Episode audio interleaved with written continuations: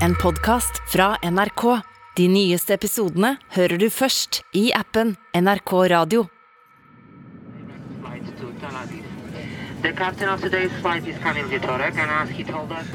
Som du hører, så er ikke denne episoden av Røverradioen spilt inn i fengsel.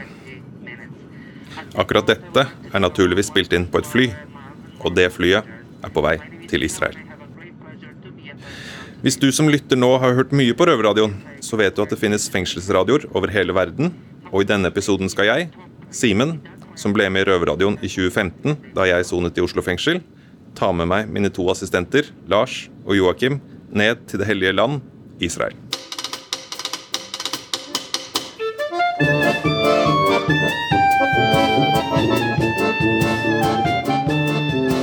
Røverradioen har faktisk vært i Israel tidligere for å besøke våre venner og kolleger i den lokale fengselsradioen der nede. Radio Fokus. Og da fortalte de oss en ting som vi har fundert på mye i etterkant. De sa til oss at så lenge de er bak murene, går israelere og palestinere godt overens. Og som tidligere innsatt så lurer jeg fælt på dette. For i min erfaring så pleier problemer og spenninger å bare bli større inne i fengsel. Som vi ofte, og med god grunn, refererer til som trykkokeren.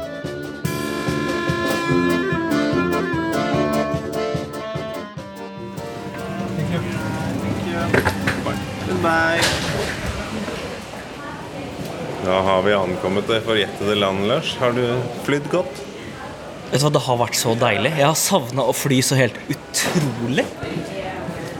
Nå har jeg Lars som drar opp humøret mitt. Joakim som bærer bagen min. Dette er en skikkelig fin tur. Hvordan er det å være min undersått, Joakim? Jeg er glad så lenge jeg kan være til hjelp. jeg. Ikke sant. Det er, det er, det er riktig, riktig holdning. Det blir bra.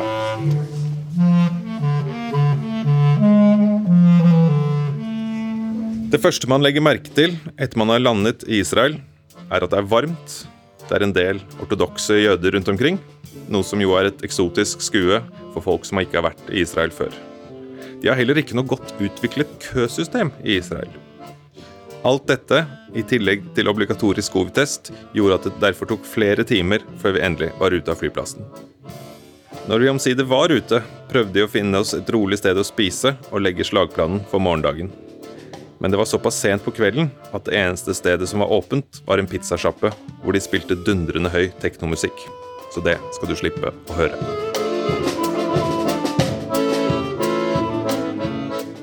God morgen!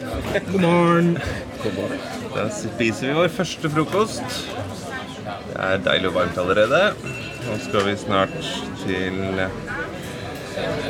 Radio Fokus, israelsk fengselsradio, og møte masse forskjellige folk.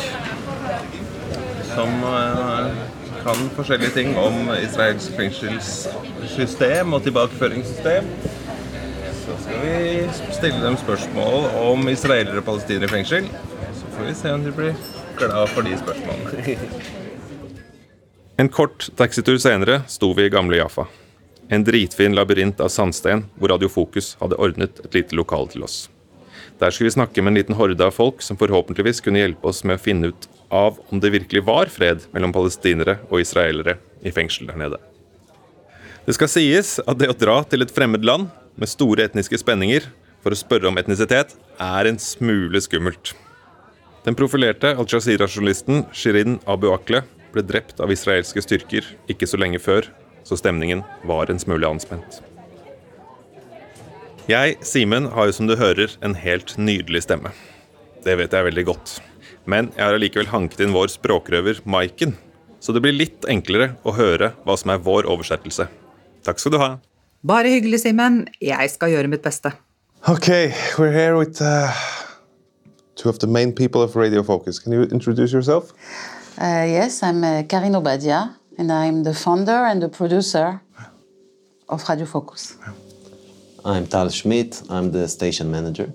Karin Obadia er grunnleggeren av Radio Fokus og produsent, og Tal Schmidt er daglig leder for radioen. I'm not, I'm not working with, uh, I didn't work with, with prisoners.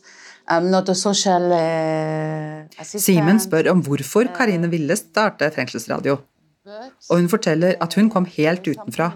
Hun hadde ingen tilknytning til fengselet. Ikke i jobbsammenheng, ingen far eller bror i fengselet. Men som person er hun en som alltid søker å finne løsninger, sier hun. Og hun mente at fengselsinnsatte var en gruppe som trengte å bli hørt, og at samfunnet trengte å høre deres stemme. This is this is prisoner brother or Dermed begynte hun en prosess som skulle vare i tre år, for å overbevise om at det er viktig. But I will say something that I never said before, just for you. Og så forteller hun oss noe hun sier hun ikke har fortalt offentlig før. I was attacked. Okay, like in uh, 1988. Um, I 1988 ble hun utsatt for et seksuelt overfall, og hun tror at hun ønsket å reparere noe, at en del av hennes motivasjon er å endre mennesker som har utøvd vold. uh, are doing those this kind of things. Uh, but, but yes, this is one of the main reasons too, is to change uh, to change people that are violent. It's also something that's mm, important to me. Tal, why, why did you want to be with Karin on her I, project? I have to say that in the beginning I didn't understand what what Tal på sin side innrømmer at han i begynnelsen ikke helt forsto hva radiofokus skulle være. Han tenkte det hørtes kult ut, men forutså ikke hvordan det ville påvirke livet hans. When I thought about it more, I understand that radio changed my life when I was a kid. My mother passed away when I was 11. It made me a very problematic kid that they want to send out from school. And uh, somebody, when I was like in 15 years old, somebody said, uh, let's put him in the radio. There was a radio that. uh, Han sier radio har reddet livet hans før. Han mistet moren sin da han var life. 11, og ble et problembarn som var på vei til å droppe ut av skolen da noen fant på å putte ham på radioen, sier han. Der lærte han å snakke for seg, ta ansvar, og uten radioen vet han ikke hvilken retning livet hans ville tatt. You know, the radio changed my life and saved me. Because if not, they're gonna kick me out from school, and I don't know where you know where my life going. And Radio Focus now also changed my life. You know, changed the the perspective. Of Radio life, Fokus you know. har endret livet hans på en annen måte. Endret perspektivene hans på livet. So, Tal, you work with uh, the, the prisoners in the radio station on a daily basis. Yeah. And what's like the environment between the your prisoners or prisoner employees or whatever you call them? I call them most of the time. I call them my employees. You know, I don't Yeah. ca- call them. Tal jobber daglig med de 25 We have innsatte som er 25. tilknyttet radioen, og kaller dem sine ansatte. One of the things that I remember, I believe Karin also, when we had like two two day family days, that the families of the prisoners came inside the radio. En av de tingene som har gjort inntrykk på ham, er når de har invitert de innsattes familier til radioen. Og familiene forteller om hvordan deres familiemedlem har forandret seg. Endringen fra å ringe hjem og være sint og hate alt og alle, til å stolt be dem søke ham opp på Wikipedia. At de kan føle endringen hos de innsatte, og at de gjør noe bra med radioen. feel the change on their family. We don't give up on people. And they feel that, and even that it's very Karim sier at de har tro på de innsatte, og ikke gir dem opp. At de innsatte merker det, selv om det er vanskelig for dem noen ganger. For det er det motsatte av det de har erfart tidligere i livet. "Okay, we care about you, you are Men det er vår måte å vise omsorg, og at vi bryr oss om dem, sier Karin. I, I want to give an example about how people. It was uh, two years ago, one year ago. Uh, it was a big problems in every town that it's mixed in Israel. I don't know how you see it from Norway, but like Jews against Muslims, Yeah. like in the street. Yeah. Yeah. And uh, four inmates came Two Jewish, two, Jo- two Arab. Two Arabs. They say we want to show how we live together. Karin vil gi et eksempel fra i fjor, da det var gatekamper mellom jøder og muslimer i mange store byer i Israel. Og fire av de innsatte, to jøder og to arabere, sa at de ville lage en sending om hvordan de lever sammen i fengselet. Så de satt i studio og fortalte om det, og om hvorfor det er viktig. Karin sier hun ble rørt da hun hørte på dem, og at det viser at innsatte også har noe å lære bort til samfunnet. Men dessverre ombestemte de innsatte seg, og ville ikke at sendingen skulle bli publisert, for de var redde for at det ville gjøre ting verre. So we didn't, but I think that solidarity is thing, something that they are learning in the Radio Focus, like to be for each other.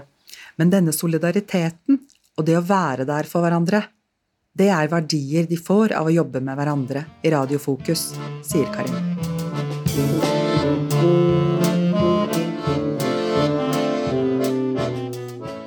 Vi hadde jo egentlig håpet å få besøke et israelsk fengsel, så vi fikk se selv. Men det fikk vi brått ikke lov til. Fengselstjenesten der nede er en smule lunefull.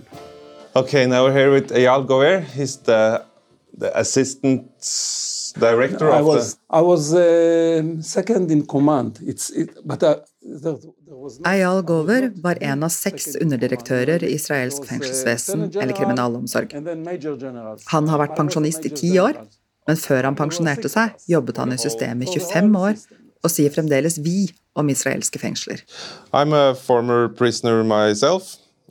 And I- You were a prisoner? Yeah. Ah, okay. I started with Røverradioen as a prisoner. And uh, Røverradioen, uh, our, our, the Norwegian prison radio, is broadcasted out on the on the air to everyone. To everyone. Yeah. Should it, We, we don't have it in Israel. is, is it possible? Simen spør om fengselsradioen kan lyttes til utenfor murene. Ayal forteller at de har hatt et begrenset samarbeid med en seriøs radiostasjon om noen helt spesifikke sendinger, men at det er et krevende arbeid å balansere hensynet til de fornærmede, og at det er lett å bli beskyldt for å gjøre innsatte til kjendiser eller celebriteter. Personlig syns han det er viktig at innsatte stemmer og innsattes historier blir hørt, men han sier at for å forstå må man ha et åpent sinn, og han tror ikke samfunnet har det åpne sinnelaget som skal til for å kunne ta imot fengselsradio. Men han vil heller ha fengselsradio sånn som de har det nå, enn ikke i det hele tatt. open mind in the public.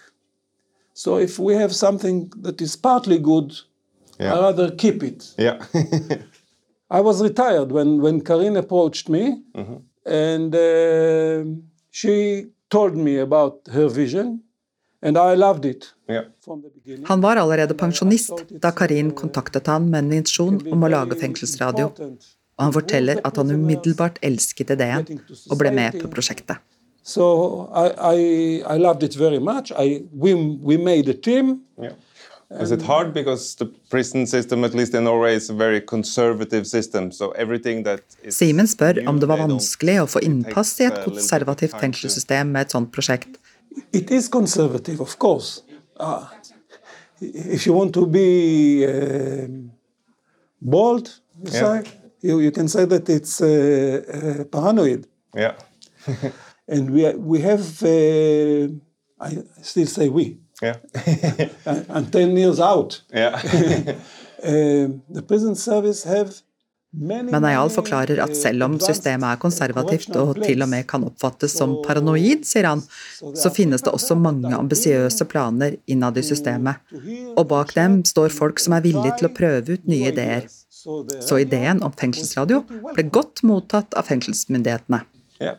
So you worked in the prison systems for many years. 25. Yes. Is there a lot of like, is it big differences between big uh, different prisons, or is it Yes. so? There's like uh, Um, prisons that are very we- we- liberal, or the- it's, there are 33 prisons. 24 of them are criminal.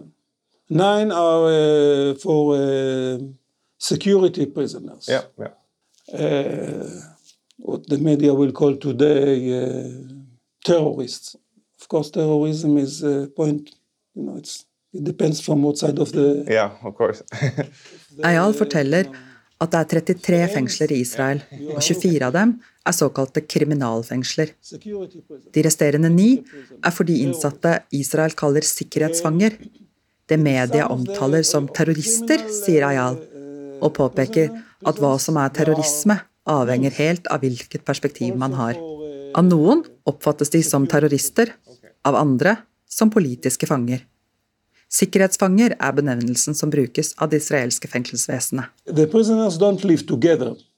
pri- uh, security prisoners and uh, criminal prisoners. Among the prisoner, uh, the Ayal forklarer at det i noen av kriminalfengslene er egne avdelinger for sikkerhetsfanger. De politiske fangene, sier Ayal, soner både under høyere sikkerhet og relativt lavsikkerhet, men aldri sammen med de øvrige innsatte. We, we, we leave Arabs, criminal Arabs and Israelis, uh, Jews, together. Uh, usually they will not live in the same rooms, the same wing. The wing is open. I kriminalfengslene soner innsatte fra ulike etniske og religiøse grupperinger sammen. Arabere og jøder f.eks. sitter på samme avdelinger, luftes sammen, jobber sammen og har de samme programmene, men deler ikke celler. Det er mye grunnet ulike vaner og hva slags manerer som er viktige for dem, sier Ayal. Sometimes you have to consider the, the gangs which they came from. Men oftere er det grupperinger basert på gjengtilhørighet fengslene må ta høyde for, og sørge for at ikke soner sammen, for det kan bli farlig. Men selvfølgelig forekommer det vold i fengslene likevel, sier Ayal til Simen. Sometimes, of course. Prison is a, you know, you don't prevent crime, you just concentrate it. Du vet, man forhindrer ikke kriminalitet i fengslene, man bare samler den opp. Innsatte i norske fengsler lager radio. Du hører Røverradioen i NRK P2. How many prisoners are there in, uh, in Israel?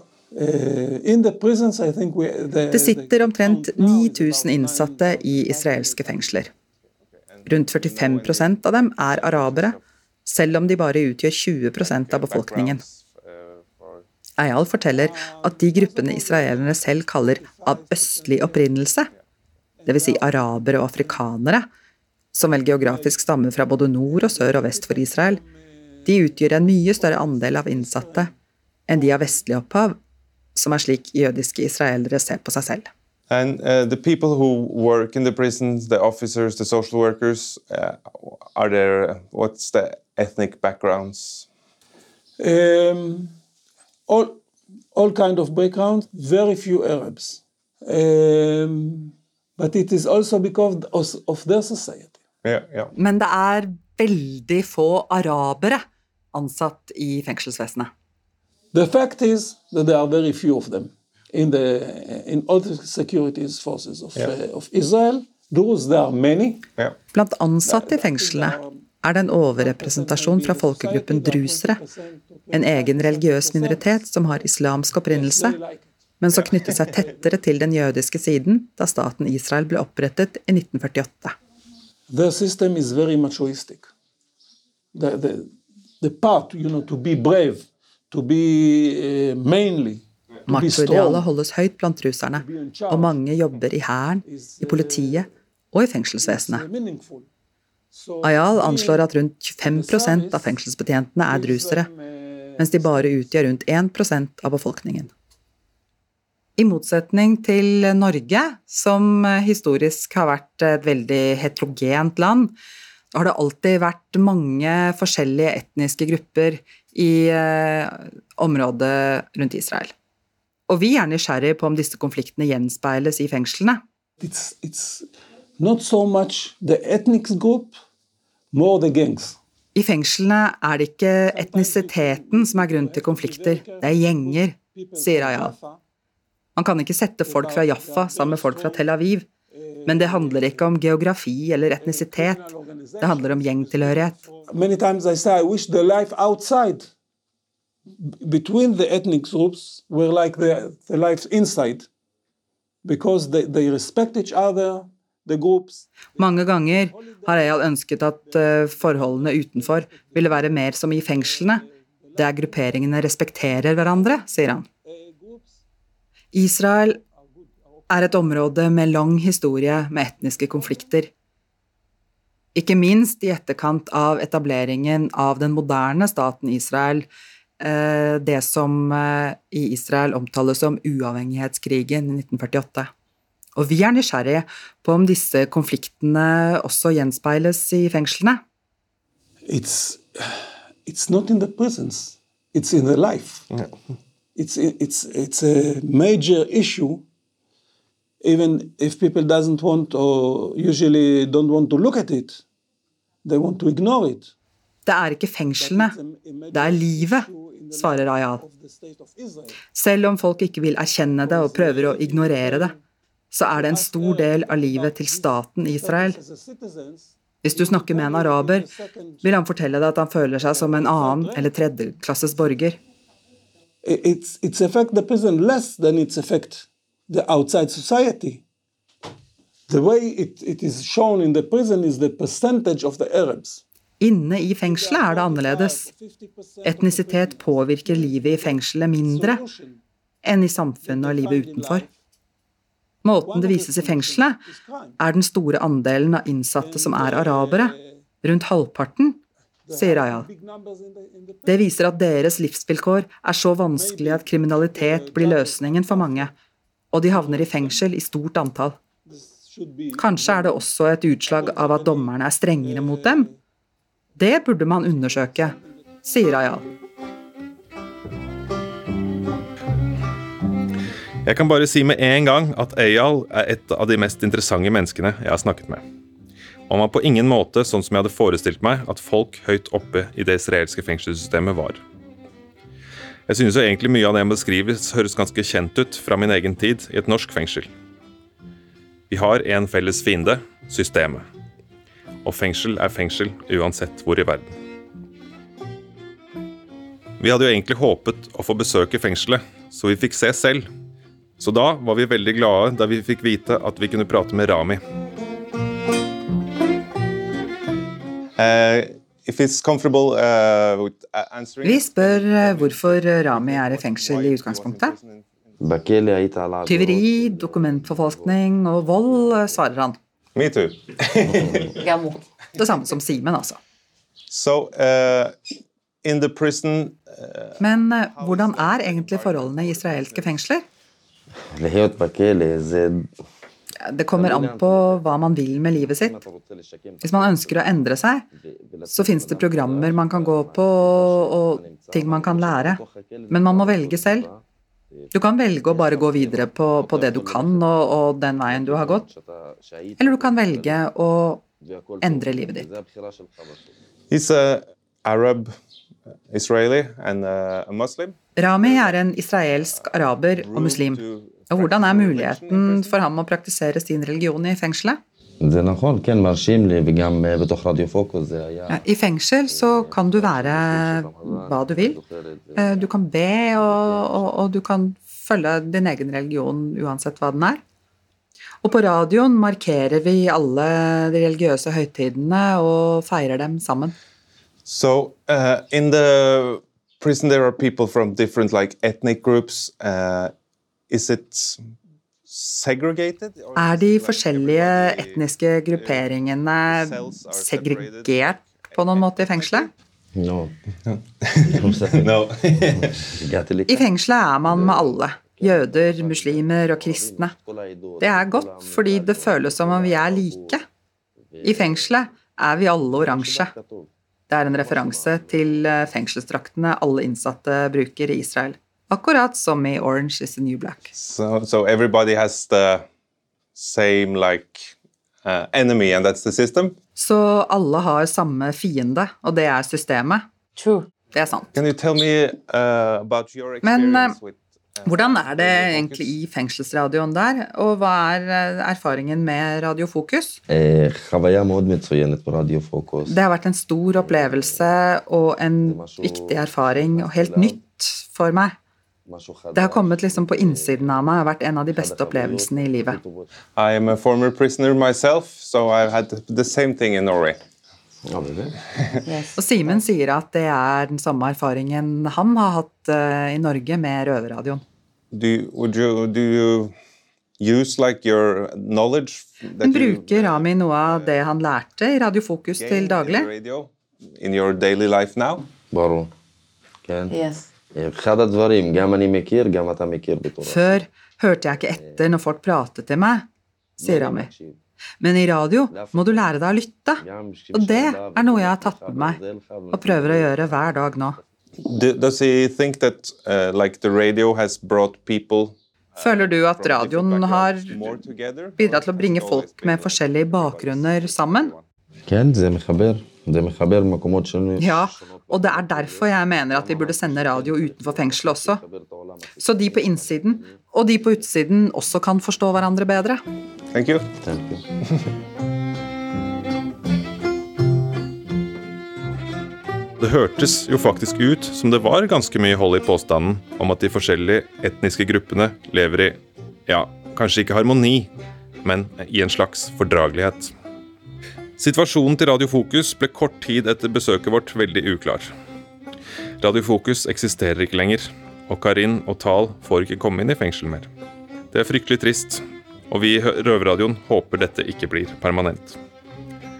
Som du kanskje hørte, er ikke Karin en person som gir opp så fort. Vi satte i hvert fall stor pris på samtalen, og på all hjelpen vi fikk av dem. Og ikke minst den fantastiske hummusen de tok oss med ut for å spise etter intervjuene.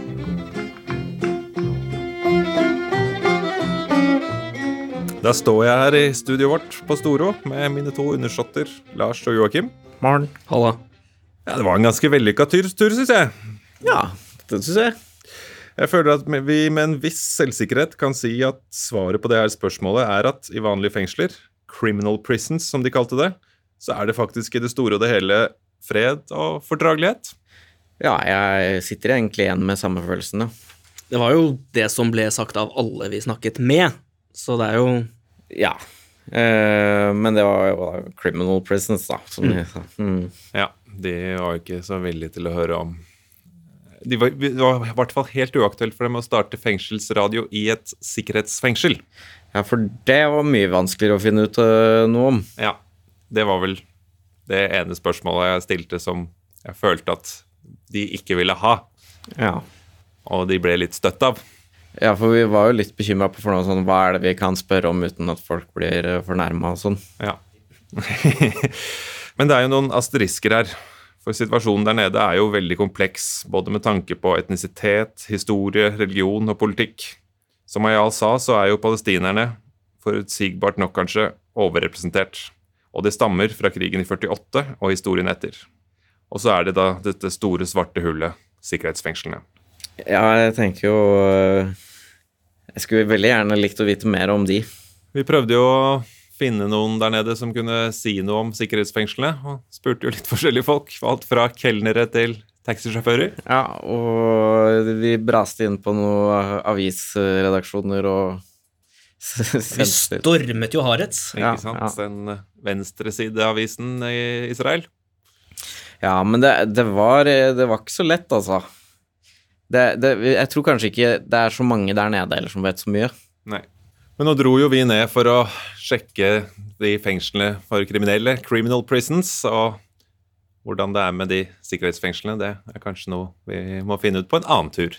Ja, jeg blir med ned igjen, jeg, hvis du fortsatt vil ha meg som eh, medhjelper. Det er, er tålelig gode assistenter, begge to. Vi vil gjerne si takk til alle vi prata med i Israel, også de som ikke kom med på sendinga. Med det så sier jeg tusen takk for turen, gutter. Selv takk. Og takk for oss i Røverradioen. Vi er tilbake fra innsiden av norske fengsler på P2 på søndag klokken 20.30, eller på podkast hvor du vil, når du vil, og hvis du ikke sitter i fengsel, da. Røverradioen er laga for og av innsatte i norske fengsel. Tilrettelagt for streitinger av Klynge for NRK. Og redaktør i NRK er Ole Jan Larsen. Musikken i denne episoden ble laga av Eastern Watershed Klesmer Quartet og Rosa Has Become Madarka. Du har hørt en podkast fra NRK. De nyeste episodene hører du først i appen NRK Radio.